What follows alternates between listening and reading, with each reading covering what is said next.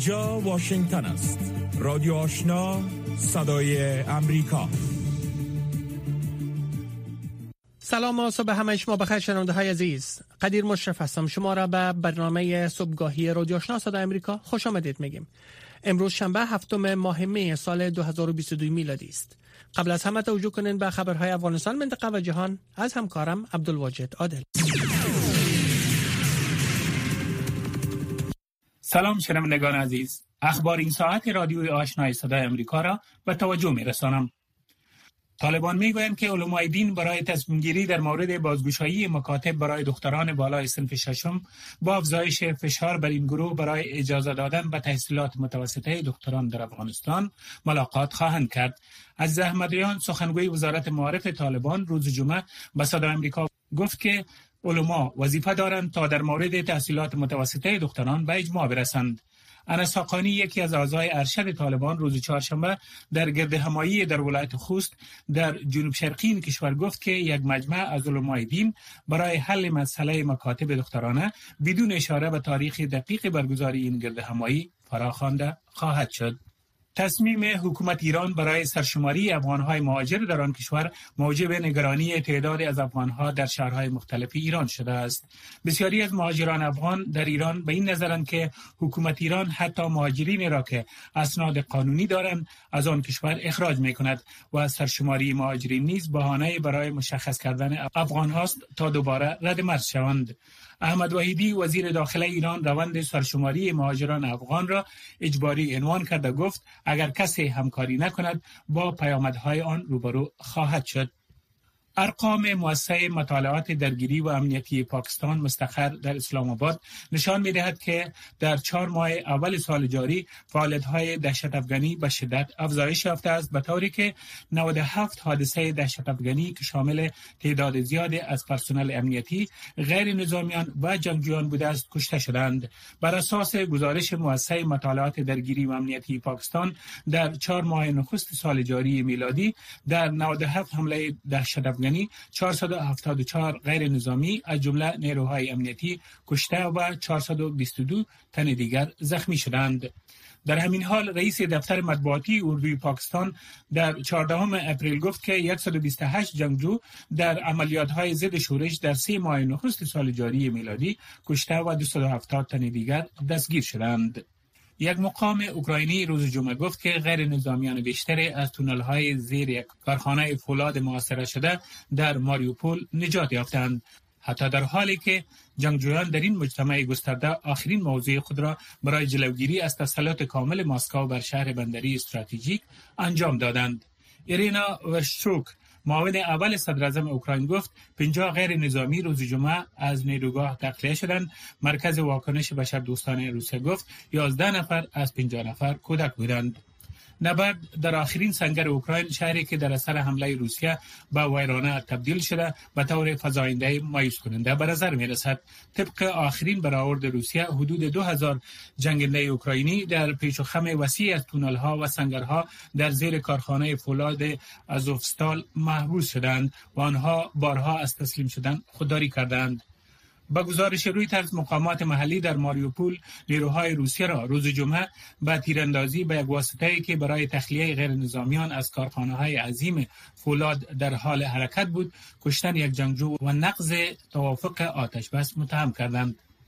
در حالی که درامه جنگ در ماریوپول ادامه داشت پاپ فرانسیس روز جمعه جنگ در اوکراین را به دلیل ماهیت مسیحی علیه مسیحی درگیری وحشیانه خواند. او این اظهار نظر را به اعضای دفتر واتیکان که وحدت مسیحی را در میان کلیساهای کاتولیک و دیگر کلیساهای مسیحی ترویج می کند بیان کرد. یک انفجار قوی که ظاهرا ناشی از لیک گاز طبیعی بود دیوارهای بیرونی یک هتل پنج ستاره در قلب پایتخت کیوبا را منفجر کرد. و دست کم نو نفر را کشت و چل نفر را مجروح کرد. رنالدو گارسیا زاپاتا والی هاوانا به روزنامه گرانما گفت که هیچ جهانگردی در هتل 96 اتاقه ساراتوگا اقامت نکرده بود زیرا در حال بازسازی بود. مقامات می‌گویند حدود 12 نفر ناپدید شدند و جستجوگران در حال تلاش برای یافتن افرادی هستند که ممکن است زیر آوار گیر مانده باشند. تلویزیون دولتی کیوبا عامل این انفجار را لاری حامل گاز طبیعی اعلام کرد که با هتل میرسانید. این انفجار در حال رخ داد که کیوبا تلاش می‌کند بخش مهم جهانگردی خود را احیا کند چین یک مقام امنیتی را به عنوان رئیس اجرایی جدید هنگ کنگ منصوب می کند. این انتصاب بخش دیگری از تحول سیاسی گسترده است که با هدف سرکوب مخالفان انجام می شود و این مرکز مالی آسیایی را بیش از پیش تحت کنترل بیجینگ قرار می دهد. جان لی که پیشتر دومین مقام هنگ کنگ بود. تنها نامزد انتخابات است که روز یک شنبه برگزار می شود و فقط نام انتخابات را به همراه دارد. بیش از نیمی از کمیته 1500 نفره که رئیس اجرایی را انتخاب می کند بیشتر از جان لی حمایت کردند و او برای پیروزی تنها به اکثریت ساده نیاز دارد. جان لی روز جمعه در گفتگو با حامیان خود با اشاره به مشکلات ریشه‌ای هنگ کنگ قصد خود را برای ارائه رویکردی نتیجه محور تکرار کرد. کمیته بین‌المللی صلیب احمر اعلام کرد که تیارات حامل زندانیان آزاد شده های یمنی که در اسارت ائتلاف نظامی تحت رهبری عربستان سعودی به سر می بردند روز جمعه 16 و وارد شهر عدن در جنوب یمن شد. این در حالی است که توافق آتشبس میان طرفهای درگیر در جنگ داخلی یمن وارد ماه دوم خود می شود ائتلاف به رهبری عربستان سعودی که در یمن می جنگد هفته گذشته اعلام کرد که در حمایت از توافق آتش بس در یمن 163 زندانی را آزاد کرده و به شورشان حوسی مورد حمایت ایران باز میگرداند این توافق با میانجیگری ملل متحد و با هدف هموار کردن راه برای پایان دادن به جنگ 8 ساله انجام شده است. جل بایدن بانوی اول امریکا روز جمعه وارد رومانیا در همسایگی اوکراین شد. بنابر بیانیه قصر سفید جل بایدن در این سفر علاوه بر دیدار و گفتگو با سربازان امریکایی مستقر در رومانیا روز یک شنبه را که در امریکا روز مادر است با خانواده های پناهجویان اوکراینی در روستای کوچکی در کشور اسلواکی در مرز با اوکراین میگذراند. طبق برنامه اعلام شده بانوی اول امریکا روز ششم ماه می با نظامیان ایالات متحده در یک پایگاه هوایی در رومانیا دیدار می کند و سپس برای دیدار با مقامات دولتی رومانیایی کارکنان سفارت ایالات متحده امدادگران و معلمانی که با کودکان آواره اوکراینی کار می‌کنند به بخارست می رود. سفر جیل بایدن با آن منطقه نشانه دیگری از حمایت مقامات ارشد امریکایی از اوکراین و کشورهای همسایه است که به میزبانی از آوارگان اوکراینی تهاجم روسیه به اوکراین کمک می کنند. شرکت سپیس اکس صبح وقت روز جمعه فضانوردان ماموریت Crew سه سازمان ناسا را به موفقیت به زمین بازگرداند و ششمین پرواز فضایی همراه با خدمه خود را به پایان رسانید.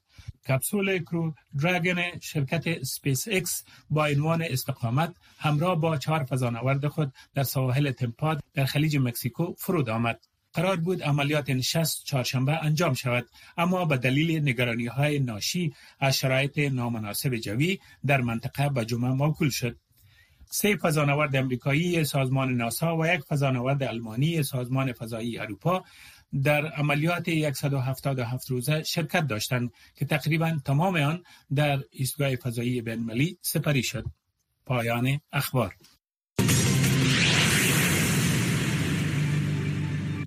خب شنونده های عزیز خبرها را شنیدن و اکنون هم می‌پردازیم به گزارش ها و مطالبی که در این نیم ساعت خبری برای شما گرد هم آورده ایم.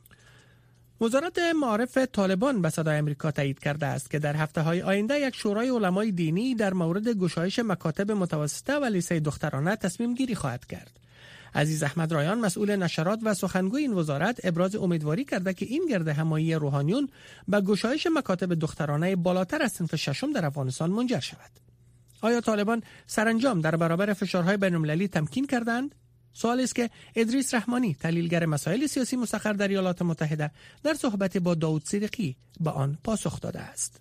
میگم بله ها ما مختلف که در داخلشان به زحمت بیان دارد و اگر به شرایط شناخته شدنشان به رسمیت توسط دنیا و کشورهای بزرگ مهیا بسازند و پیوسته با چالش هایم روبرو هستند که او رو هم در جریان هستیم و ما فکر می‌کنم آنچه آنچه فعلا اعلان کردن که می‌خوان علما رو جمع بکنن و بگیرن.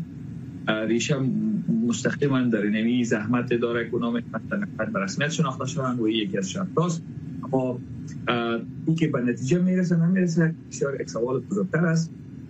ما شخصا زیاد مطمئن نیستم که جمع کردن علما در نهایت به یک نتیجه برسه که نیاز انتظار داره. بخاطر که شوی دید علما با شوی دید دنیا بسیار زیاد فرق بله. الله مجاهد دفعه گذشته در صحبت با یک از رسانه های محلی از برگزاری گرد همایی سیاستمداران افغانستان خبر داد و از لوی جرگه خواندن این گرد همایی خودداری ورزید. آیا برگزاری چنین گرد همایی برای طالبان مشروعیت داخلی خواهد بخشید یا چی فایده داره برشان در کل. کنم کار طالبان بکنند کار است که در مراحل مختلف ما از دولت های مختلف شاهد بودیم. داود خانی کار انجام داد زاید خان انجام داد بعد از مجاهدین آقای کرزه همگی انجام دادن.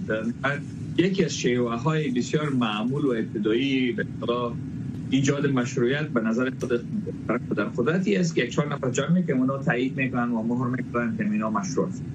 ولی واقعیتی است که مشروعیت از اینکه شروع نمیشه و خصوصا برای برای برای دوایر بین المللی و برای بسیار کارهای دیگه مشروعیت اساس نزینه که شما قدرت به اصطلاح به اساس رأی مردم گرفتین یا به زور اکثر هایی که در هر دنیا قدرت به زور گرفتن با چالش و بحران مشروعیت تا آخر قدرتشان بله.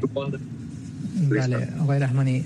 با گرم شدن هوا به نظر می‌رسه که حملات مخالفان مسئله طالبان مثل جبهه مقاومت ملی و سایر گروه های خرد و کوچک افزایش یافته. به نظر شما آیا ما طی چند ماه آینده شاهد جنگ های شدیدتر میان طالبان و مخالفین این گروه خواهیم بود؟ من فکر می کنم جنگ هایی که جبهه مقاومت و دیگر نیروها آیستا آیستا آواز پای منسجم شدن و مبالغه شدن داعش طرف اگر درگیری بین داعش و طالبان شروع شد من فکر بکنم بسیار زیاد گسترده‌تر و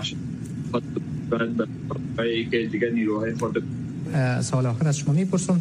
احمد ولی مسعود رئیس بنیاد احمد شاه مسعود در مصاحبه اختصاصی با صدای آمریکا گفته که ممکن به زودی رهبران جبهه مقاومت ملی برای جنگ در مقابل طالبان داخل افغانستان شوند.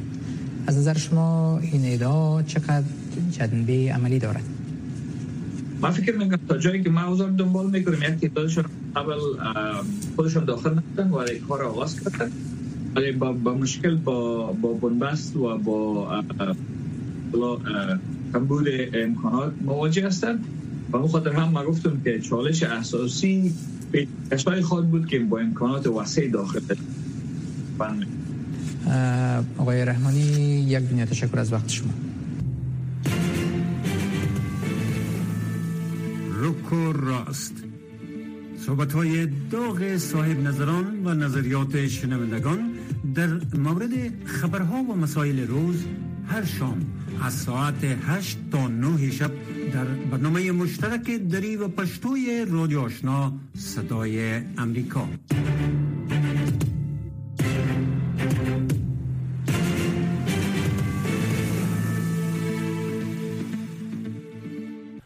شما شنونده برنامه های صبحگاهی رادیو آشنا هستین.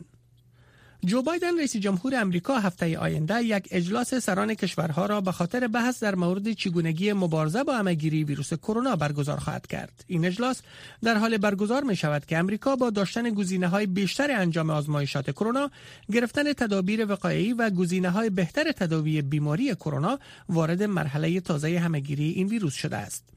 توجه کنید به برگردان دری گزارش صدای امریکا از همکارم میرویس رحمانی اکنون که فرصت آزمایش، تطبیق واکسین و تداوی ویروس کرونا در امریکا به گونه گسترده تر فراهم شده است، جو بایدن رئیس جمهور امریکا می خواهد با برگزاری دومین اجلاس مجازی سران کشورها به خاطر مبارزه با کرونا این فرصت ها در سایر نقاط جهان نیز فراهم شود.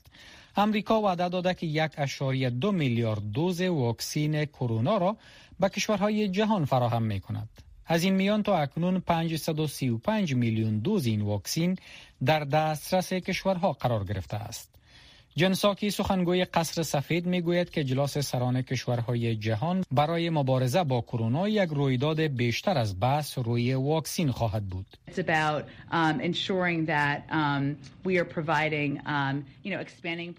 این اجلاس در مورد توسعه و حفاظت نیروی کار بخش صحت، توسعه مراکز تولید اکسیژن و گسترش دسترسی به تدابیر و امکانات طبی است.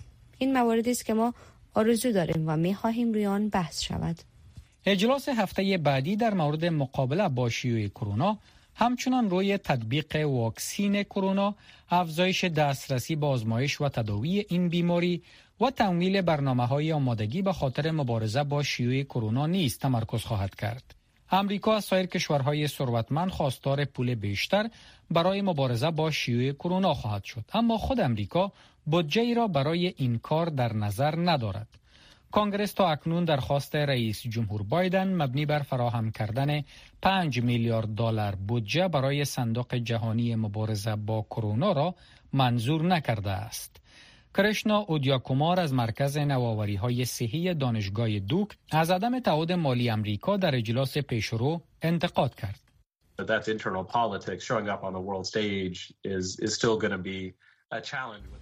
این یک موضوع سیاست داخلی است. حضور به هم رساندن در یک صحنه جهانی بدون کدام تعهد جدید مالی یک چالش خواهد بود.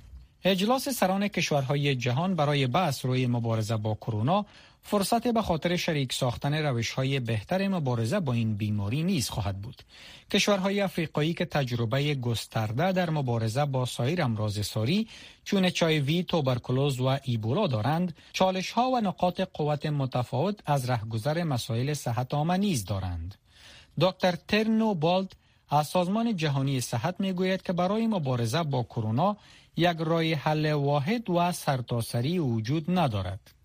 We cannot have just one solution, you know, which might fit to all of these different situations. So first of all, it's to listen, to understand, you know, نخست از همه باید به همه گوش داد و مشکلات آنان را درک کرد. حقیقت این است که نخست باید مشکل را درک کرد و تلاش ورزید که مناسب ترین راه حل را در کشورهای مختلف برای آن پیدا کرد. در دو سال اول همگیری کرونا کشورهای ثروتمند با ذخیره کردن واکسین کرونا فراهم آوری این واکسین را برای کشورهای فقیر با مشکل مواجه ساختند. اکنون که جهان مرحله مدیریت بحران کرونا را پشت سر میگذراند گروه های حامی حقوق بشر می‌گویند که برای دسترسی مساویانه کشورها به واکسین باید هماهنگی بیشتر ایجاد شود اما آنچه تا اکنون به وضاحت معلوم می شود این است که همگیری کرونا از چین تا افریقا ادامه دارد و تا هنوز پایان برای این همگیری به چشم نمی‌خورد بایدن با سران آلمان، اندونزیا، سنگال و بلیز به گونه مشترک اجلاس سران کشورها را به خاطر مبارزه با کرونا روز پنجشنبه آینده میزبانی خواهد کرد. انتظار به پایان رسید. بینندگان و شنوندگان عزیز بعد از این می توانید برنامه های صدای امریکا را از طریق شبکه ماهواره جدید و بشنوید. برنامه های تلویزیون آشنا سی دقیقه کاروان و برنامه های رادیو آشنا را می توانید در چنل 469 شبکه ماهواره یاست دنبال کنید.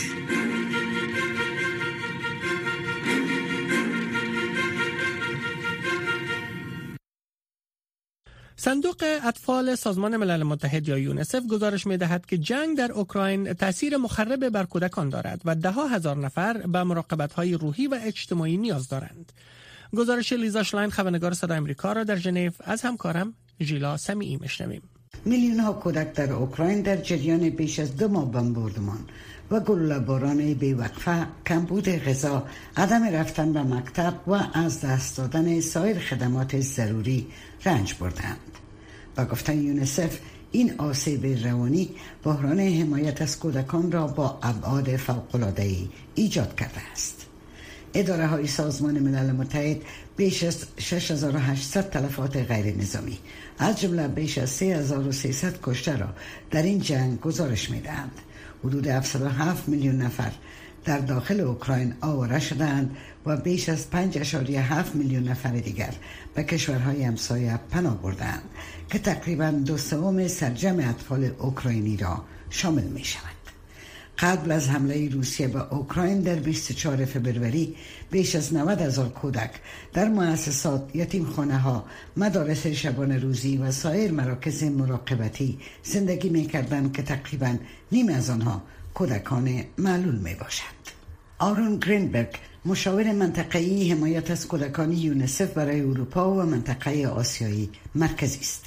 او که از شهر غربی لوف صحبت می کرد می گوید که ده ها هزار از این کودکان به خانواده هایشان بازگردانده شدند اما او می گوید که متاسفانه بسیاری از کودکان و ویژه کودکان دارای معلولیت مراقبت و حمایت لازم را دریافت نمی کنند.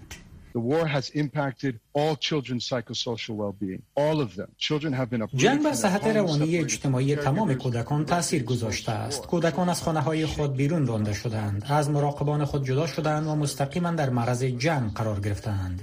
کودکان توسط انفجار بم و صدای زنگ خطر سیستم های هشدار دهنده راکت تکان خورده اند. و مهمتر از همه بسیاری از کودکان شاهد خشونت جسمی و جنسی بودند و یا هم تجربه کردند. گرینبرگ می‌گوید که یونسف و شرکا برای کمک به این اطفال آسیب دیده تلاش می کنند. او می‌گوید که از زمان شروع جنگ بیش از 140 هزار کودک و مراقبان آنها خدمات صحت روانی دریافت کردند. و گفته او یونسف در حال حاضر دارای 56 واحد سیار در سراسر اوکراین از جمله در شرق آن کشور است که جنگ در آن شدیدتر است. Over 7,000 women and children have, be, have been reached by violence prevention, risk mitigation. بیش از هفت هزار زن و کودک از طریق خدمات پیشگیری از خشونت، کاهش خطر و پاسخ به خشونت از جمله خشونت جنسی، خشونت مبتنی بر جنسیت از جمله در نواحی شرقی کشور تحت پوشش قرار گرفتند اما این کافی نیست و با وجود اینکه ما همه در حال کار کردن هستیم به نظر من باید خدمات تخصصی تری را برای کودکان بازمانده از خشونت جسمی و جنسی فراهم سازیم. گرینبرگ خاطر نشان می کند که کودکان دارای معلولیت در این جنگ به طور نامتناسب آسیب دیدند و باید از حمایت فوری برخوردار شوند. او می‌گوید که دولت، یونسف و شرکا در حال افزایش خدمات بیشتر و این کودکان بسیار آسیب پذیر هستند.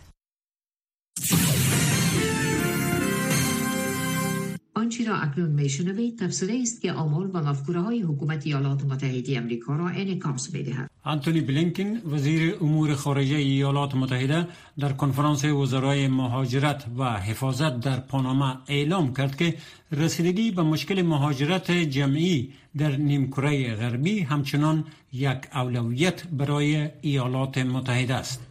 و گفت ما علاقه شدید به حفاظت امنیت مرزهای خود به شیوه امن، منظم و انسانی داریم. ما به سلامت میلیون ها نفر در سراسر این نیمکره که تصمیم ناامیدانه برای ترک خانه ها و جوامع خود در جستجوی زندگی بهتر گرفته اند اهمیت می دهیم. سفرها اغلب خطرناک می باشند. مهاجرین در برابر هر نوع استثمار آسیب پذیر هستند. بسیاری از آنها کودکند و سرنوشت و آینده آنها بسیار نامشخص است. ما یک مسئولیت مشترک داریم تا مراقب آنها باشیم.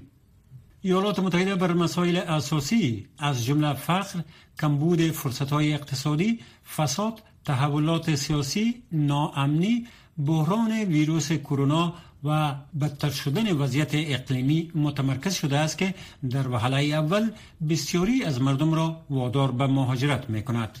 ایالات متحده متحد به همکاری با سایر کشورها برای مقابله با شبکه های قاچاق مهاجران بهبود مدیریت انسانی و مؤثر مرزها مقابله با اطلاعات نادرست و ایجاد راه های قانونی برای مهاجرت و پناهندگی است که به دنبال مکان امنند که آن را خانه خود بدانند.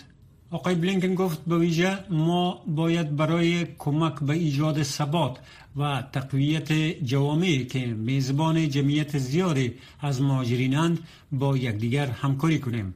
ما باید به آنها کمک کنیم تا ابزارهایی را که برای بازسازی زندگی خود از جمله دسترسی به شغل و آموزش نیاز دارند به دست آورند و ما باید مطمئن شویم که حمایت ما مستقیما به نفع خود جوامع است و منابع افزایش یافته برای سلامت و ایمنی عمومی خدمات اجتماعی های بهتر و ها برای هم است. این وظیفه برای حکومات منطقه و همچنان برای های غیر حکومتی بخش خصوصی توسعه چند جانبه و مؤسسات مالی سازمان های صحت عامه و آب و هوای منطقه‌ای و جهانی است. ایالات متحده کمک خواهد کرد تا این گروه های مختلف را گرد هم بیاورد و از همه کمک های آنها در این چالش استفاده کند. وزیر امور خارجه ایالات متحده گفت تعداد افرادی که در سراسر جهان در حال تحرکند و حدود 95 میلیون نفر که از خانه های خود آواره شده اند بیش از هر زمان دیگری بعد از جنگ جهانی دوم است. این چالش است که ما باید کنار هم باشیم تا با آن روبروی شویم با هم کار کنیم و با آن برسیم و با هم بپیوندیم. آنچه را شنیدید ای بود که آمال و مفکوره های حکومت ایالات متحده امریکا را منعکس می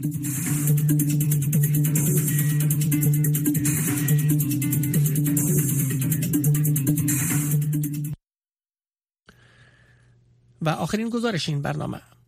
با تداوم همگیری ویروس کرونا شرکت های تولید کننده ماشین های لباسشویی یخچال ها و سایر تجهیزات در سراسر جهان که توسط وسایط باربری و کشتی ها منتقل می شوند از کمبود یک نوع آله کامپیوتری برقی شکایت دارند که توسط آن آله این محموله ها این انتقال از یک جا به جای دیگر ردیابی می شوند به شرح این گزارش توجه کنید که همکارم خدیجه هما الکوزی تقدیم می کند اینها دستگاه های سیستم رادیویی یا جی پی اس هستند. این آله در بسته های مواد غذایی، ادویجات و سایر دستگاه های دیگر برقی ضمیمه و نصب می شود و معلومات را از وضعیت گرمی داخل بسته ها موقعیت آنها و همچنان در صورت آسیب دیدن معلومات را به مرکز ارسال می کند. این آله کامپیوتری در حال حاضر با کمبود مواجه شده است. عرضه تولیدات این آله که هسته محاسباتی کمپیوتر نامیده می شود در جریان چند سال گذشته و بعد از همگیری ویروس کویت 19 بسیار با کمبود مواجه شده است. شرکت های موترسازی تولید کنندگان لوازم خانه و شرکت های ویدیو گیم با کمبود این آله دست و پنجه نرم می کنند. برخی تولیدات خیش را به تأخیر می و برخی دیگر در حال طراحی مجدد محصولاتشان می باشند تا جاگزین این آله کامپیوتری را پیدا کنند. ما این آله کامپیوتری را تقریبا در هر چیزی که شما خریداری می کنید در آن داریم. هر ماشین لباسشویی برایم سیگنال می دهد که آماده است. ماشین خوششویی همچنان. داشتها دارای یک سنسور هستند. هر چیزی را که ما می خریم این سنسورها را دارند و این دستگاه ها به اینترنت وصل است. بنابراین کمبود آن مشتریان را متاثر ساخته است. صادرکنندگان می‌گویند که تهاجم روسیه بر اوکراین تولیدات این آله کامپیوتری را در سطح جهان بدتر ساخته است. برخی از شرکت ها نیاز کمتر به این آله دارند و برخی دیگر از آنها نیاز بیشتر برای استفاده این آله دارند در حالی که این جنگ ادامه دارد کمبود این آله نیز به یک مسئله بزرگتری تبدیل شده است سنجی شرما مدیر اجرایی شرکت رومری می‌گوید که آنها باید گزینه های دیگر را روی دست گیرند. دو انتخاب وجود دارد. درست است؟ یا آرام بنشینید و کار نکنید و یا هم امید به این داشته باشید که وضعیت خوبتر شود. این وضعیت شاید برای 12 تا 18 ماه دیگر دوام پیدا خواهد کرد. کمبود این آله کامپیوتری سبب افزایش قیمت در محصولات شده است. برخی از سامانالات برقی که دو سال قبل آن را خریداری می کردید حالا نرخ آن ده فیصد بلند رفته است و یا بالاتر از آن. کمبود تولیدات این آله باعث شده است که ایالات متحده و سایر کشورهای دیگر اروپایی به این فکرند تا تولیدات آله برقی را در کشورشان روی دست گیرند. ولی این اقدام زمانگیر به نظر می رسد نظران در مورد خبرها و مسائل روز هر شام از ساعت 8 تا 9 شب در برنامه مشترک دری و پشتوی رادیو آشنا صدای امریکا. بخش زنده این برنامه را در نشرات ماهواره صدای امریکا نیز دنبال کرده می توانید.